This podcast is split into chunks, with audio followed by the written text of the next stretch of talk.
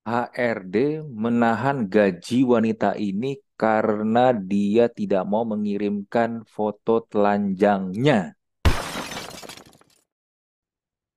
Welcome to Talk to Talk Podcast. Let's talk now bersama gua Andri dan episode kali ini gua aduh gimana ya? Gua minggu kemarin baru bener-bener publish tentang kelakuan minus para HRD yang ya inilah bisa kalian nonton sendiri atau dengerin sendiri di episode yang minggu kemarin. Nanti gua kalau yang di YouTube ter gua taruh lah linknya di sebelah kiri gua tuh nanti kalian bisa klik ya. Nah, minggu ini nih entah bagaimana ya tiba-tiba ada lagi aja kejadian yang wow.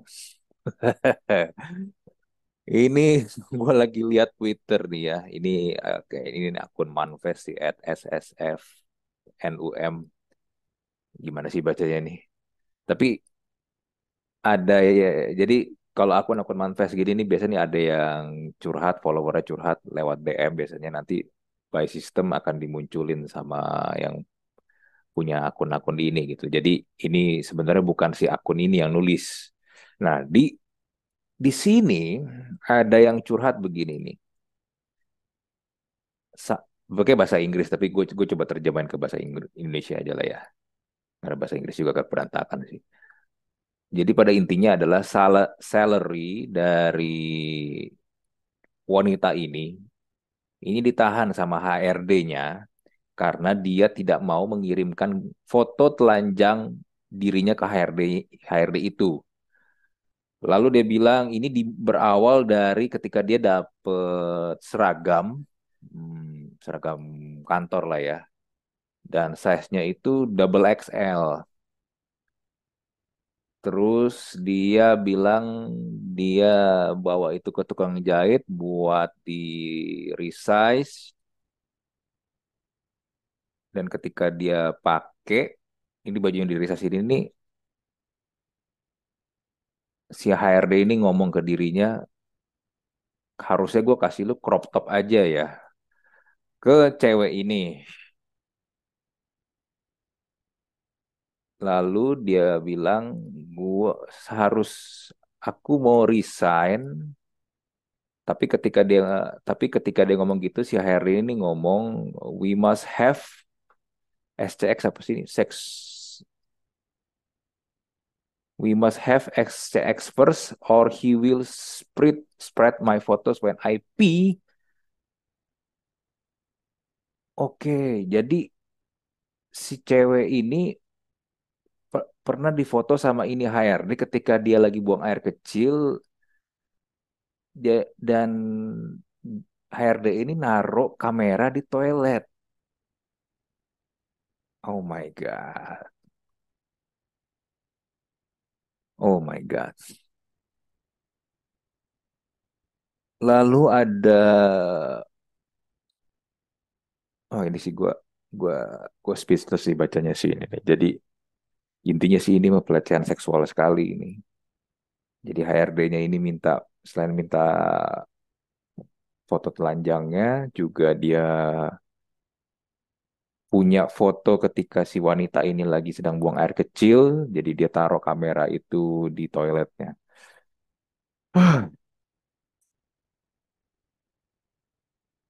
Lalu ada lagi nih yang lain.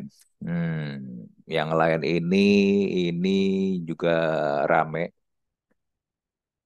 Ini ini juga HRD juga nih bagian eh, rekrutmen. Jadi ini kalian bisa lihat di Twitter nih ya, uh, at Rev, at Revi underscore Angel. Jadi dia bilang begini nih, Gen Z model begini udah ku tandain karena aku bagian rekrutmen. Gak akan ku izinin masuk di kantorku. Kalau ada teman HR yang nanyain soal medsos checking, akan ku sodori thread ini. Oh iya, tentu ku screenshot dulu dong, misal dihapus alasannya, here I tell you. Lalu dia jelasin lah bla bla bla bla bla. Nah, konteksnya di sini nih ada akun lain yang dia quote nih, at Rafil Safat, yang ini sih gue udah pas gue baca sih sebenarnya pada intinya adalah dia ini eh, mengkritik tentang tempat kuliahnya dia, kampusnya dia gitu. Uh, ya kayak misalnya ada tai kucing ber, berantakan ber, berserakan di mana-mana di lingkungan kampusnya, lalu juga dosen yang jarang masuk segala macam. Yang ya gimana ya kita kan pernah lah ya saat masa-masa di mana tuh kita tuh kritis meledak-ledak, apalagi kan dia juga masih kuliah masih muda gitu ya. Dan opini gue sih anak ini sih nggak nggak salah ya karena ya dia menyampaikan keresahan dia gitu loh. Nah tapi ketika ada orang menyampaikan keresahan dan di, de di depan mata emang ada kelihatan ada sesuatu yang salah, lalu tiba-tiba ada orang yang memakai atau menggunakan posisinya dia atau powernya dia, lalu dengan bilang kutandain, kutandain ini maksudnya apa sih di blacklist gitu. Jadi wah ini orang udah go blacklist nih jadi nggak akan bisa masuk ke kantor dia gitu loh. Nah, lalu di threadnya ini juga dia ngomong nih di kampus lama si bocah ini juga mendapat ilmu kenyataannya nggak ada universitas yang sempurna. Iya bener.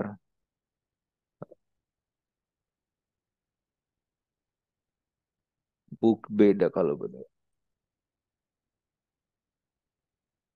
Kalau nggak suka sama ruangan yang sering kotor, ya udah pindah aja. Ya nggak segampang itu dong pindah.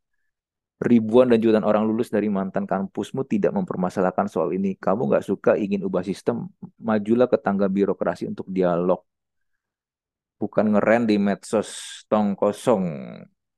Ya, tapi mbak, masalahnya kalau nggak viral di medsos biasanya tuh nggak ada tindakan. Kalau cuma masuk ke birokrasi doang. Lalu dia bilang, bahkan saat udah masuk dunia kerja, sejelek-jeleknya sistem kantor lama, tutup buku itu dan gak perlu diungkit di kantor baru. Jelek-jelek begitu dulu pernah ngasih duit yang baik. Bang bantu bayar cicilanmu ini juga berlaku untuk apa pun termasuk tempat kuliah. Filsafat seharusnya membantumu berpikir lebih dalam dan juga memahami konteks. Belajarlah untuk strategik gak cuma menggunakan filsafat buat mikir-mikir rebel tapi lucu di action. Gak suka ya pindah. Ada yang ingin diubah do something to the road coast not curhat di medsos. Oke. Okay. ini ya. Gue kadang tuh ngeliat tuh ada beberapa orang yang memang kalau dikasih posisi ya atau diberikan power atau tanggung jawab itu tuh memang sebenarnya tuh nggak nggak layak sih. Atau memang itu orang memang nggak bisa dikasih. Karena pada kenyataannya memang nggak semua orang itu bisa diberikan power, fame, or money yang besar. Karena em emang nggak bisa gitu. Nah, tapi ketika ada orang-orang yang memang nggak bisa dan akhirnya kita berikan ini kan konteksnya di sini ada dua ada dua cases ya. Mungkin cases yang lalu ada banyak banget. Yang satu case tadi kalau lu nggak kasih foto telanjang lu gua nggak akan kasih gaji lu gaji lu gua tahan. Lalu kalau untuk kayak ini case yang case yang kedua ini si mbak-mbak ini bilang gua tandain lu ya kalau lu gua blacklist nih lu nggak akan bisa masuk ke kantor gua. Ini nih tanda-tanda kalau ada orang-orang ini sebenarnya ini mengalami yang namanya God complex. Merasa diri mereka tuh seperti Tuhan, merasa mereka diri mereka tuh punya power untuk mengkontrol nasib orang lain. Padahal mah powernya tuh semu. Sebenarnya kalian berdua ini nih, Lulu Panda ini nih, sebenarnya nih nggak punya power sebenarnya. Dan aduh. Tapi karena seakan-akan kalian tuh menerima sedih, ya kelihatannya punya punya ini ya, punya kekuatan ya untuk mengontrol nasib orang lain. Jadinya tuh berlebihan gitu loh. Nah, kayak konteks tadi ya yang misalnya si yang di at Revi underscore Angel ini ya. Nah, tadi kan dia juga bilang nih di sini nih, nih gue coba baca lagi ya. kamu nggak suka ingin ingin ubah sistem, majulah ke tangga birokrasi untuk dialog, bukan ngeren di medsos tong kosong. Nah, lu sendiri juga kalau misalnya ngelihat ada orang yang lagi komplain atau lagi mengkritik tempat dia lagi kuliah atau tempat kerjanya dia, ya lu juga ngapain? Lu juga ngeren balik juga di sosmed, lu juga sama sebenarnya tong kosong juga, karena lu juga nggak akan bisa mengubah orang ini juga. Dan sistem yang jelek itu nggak bisa dipungkiri sistem di kantor di instan institusi di tempat kuliah pasti ada yang jelek pasti kita juga resah dan pasti kita tuh pengen menyampaikannya. Tapi masalahnya adalah ketika kita di lingkungan di mana orang-orang lebih memilih untuk diem aja ketika ada sesuatu yang tidak bagus atau parah atau jelek atau korup malah kita tuh lebih memilih diam. Kita tuh lebih memilih untuk orang lain yang ah, siapa tahu nanti ada orang lain yang menyelesaikannya nih biar dia aja lah. Nah, nanti ketika dia maju baru deh gue ikut-ikutan atau kalau enggak ya gue terima beres aja kalau kalau nanti bisa berubah ya udah bagus gitu loh. Nah, akhirnya nih ya, akhirnya ini yang menjadi masalah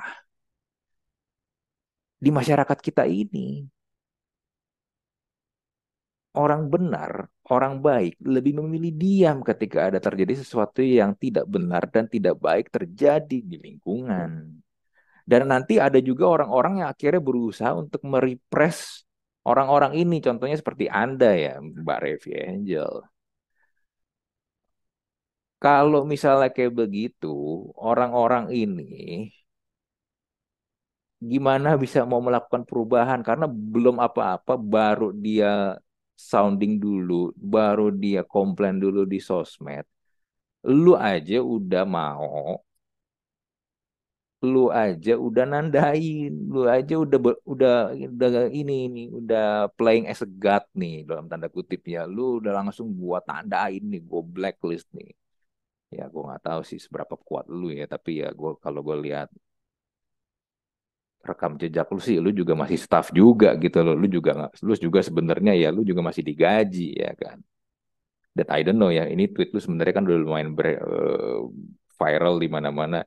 Ya andai kan misalnya nih bos dari kantor lu lihat dan ternyata ini jadi backfire ke lu kan lu juga yang kena kan. Apalagi lu ngomong seakan-akan lu on behalf company lu gitu. Ya harusnya sih harusnya ya, harusnya ya gunakanlah power lu ini sebijak mungkin. Begitu juga tadi nih HRD yang, aduh ini sih sebenarnya HRD yang minta foto bugil ini nih, ini sih hitungannya mah udah kejahatan ya, udah udah hitungannya udah udah ada pelecehan seksual ya ini ya. Ini harusnya sih udah masuk ini nih ranah hukum sih. Tapi ya gue belum tahu nih kelanjutan kasusnya nih gimana nih. Uh, mudah-mudahan sih ini ya bisa ditindak nih.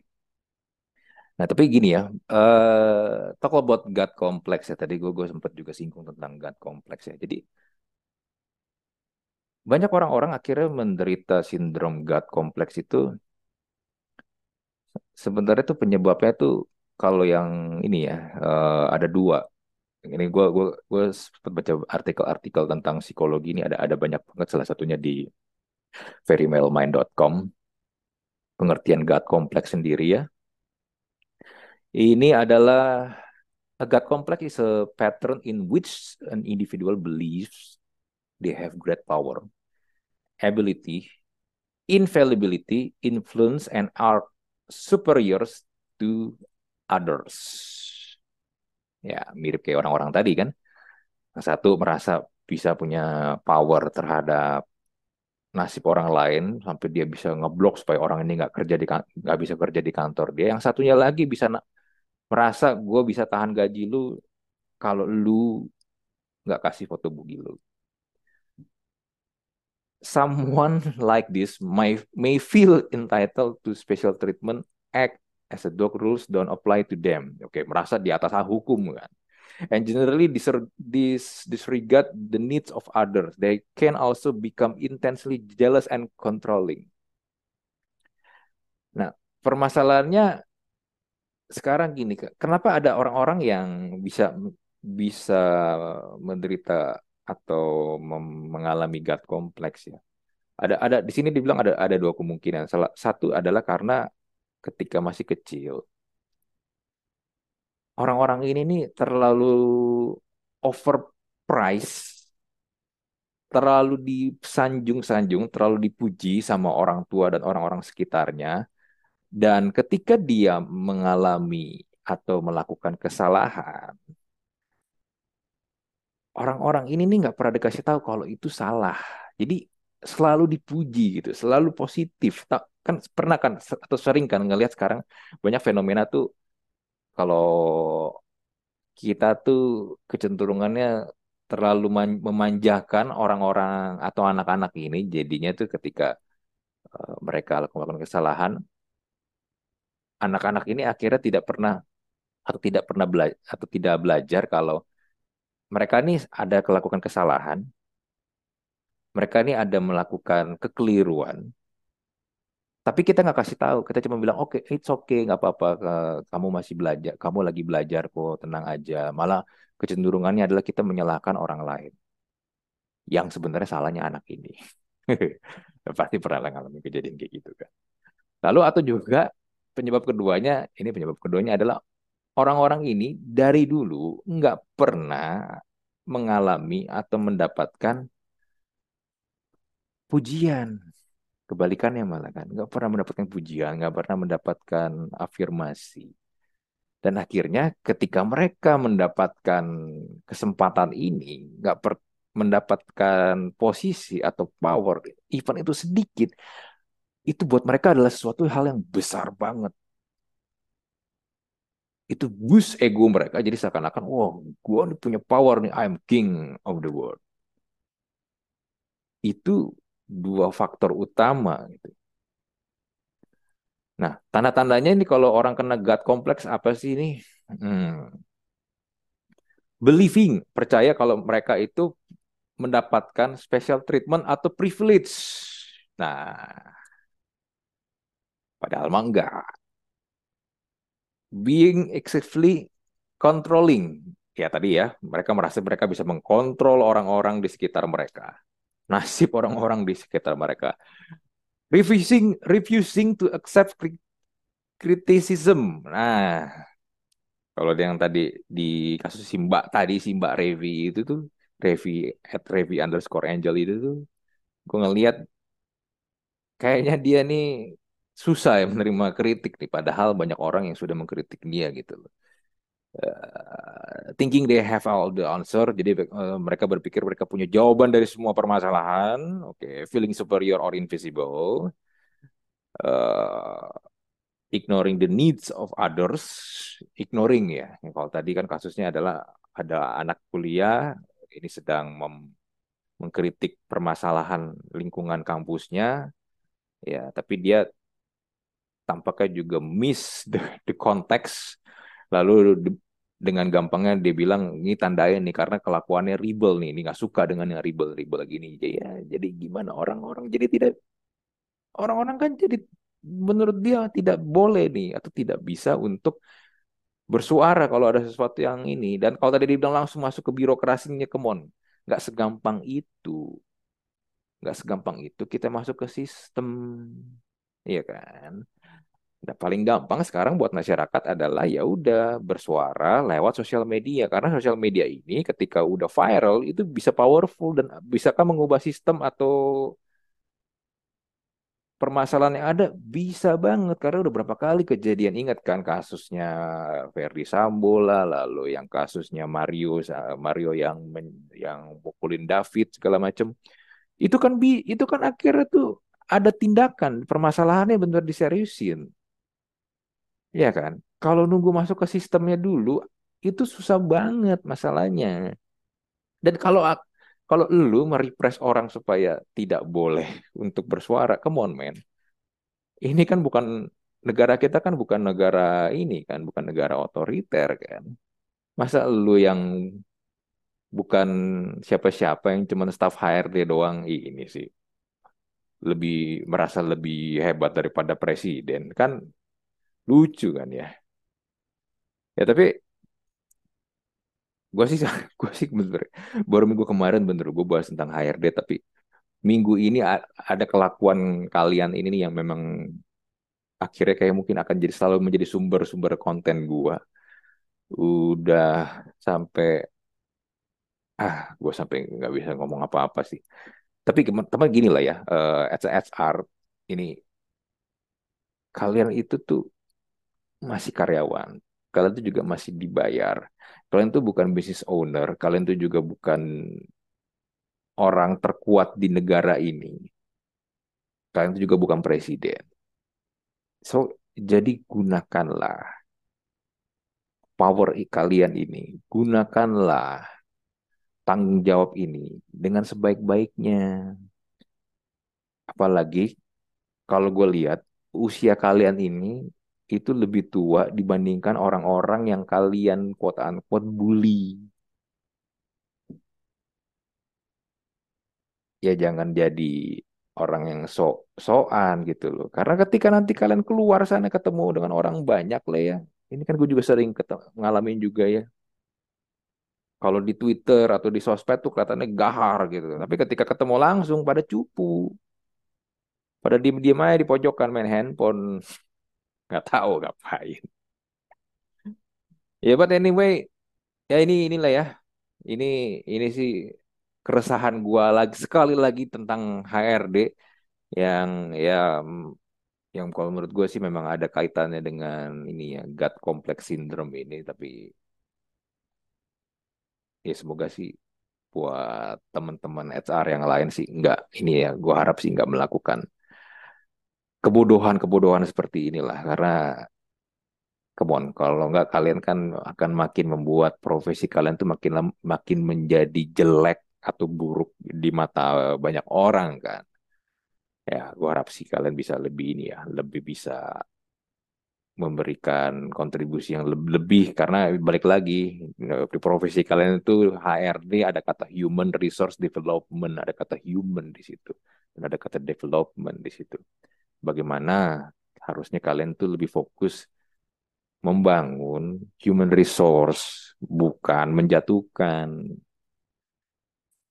ya itu sih dari gue ya kita ketemu lagi di Talk to Talk episode berikutnya. Bahas apa lagi ya? Bah, ya, tapi anyway, nantilah kita coba lihat apa yang lagi yang rame. Oke, okay, bye.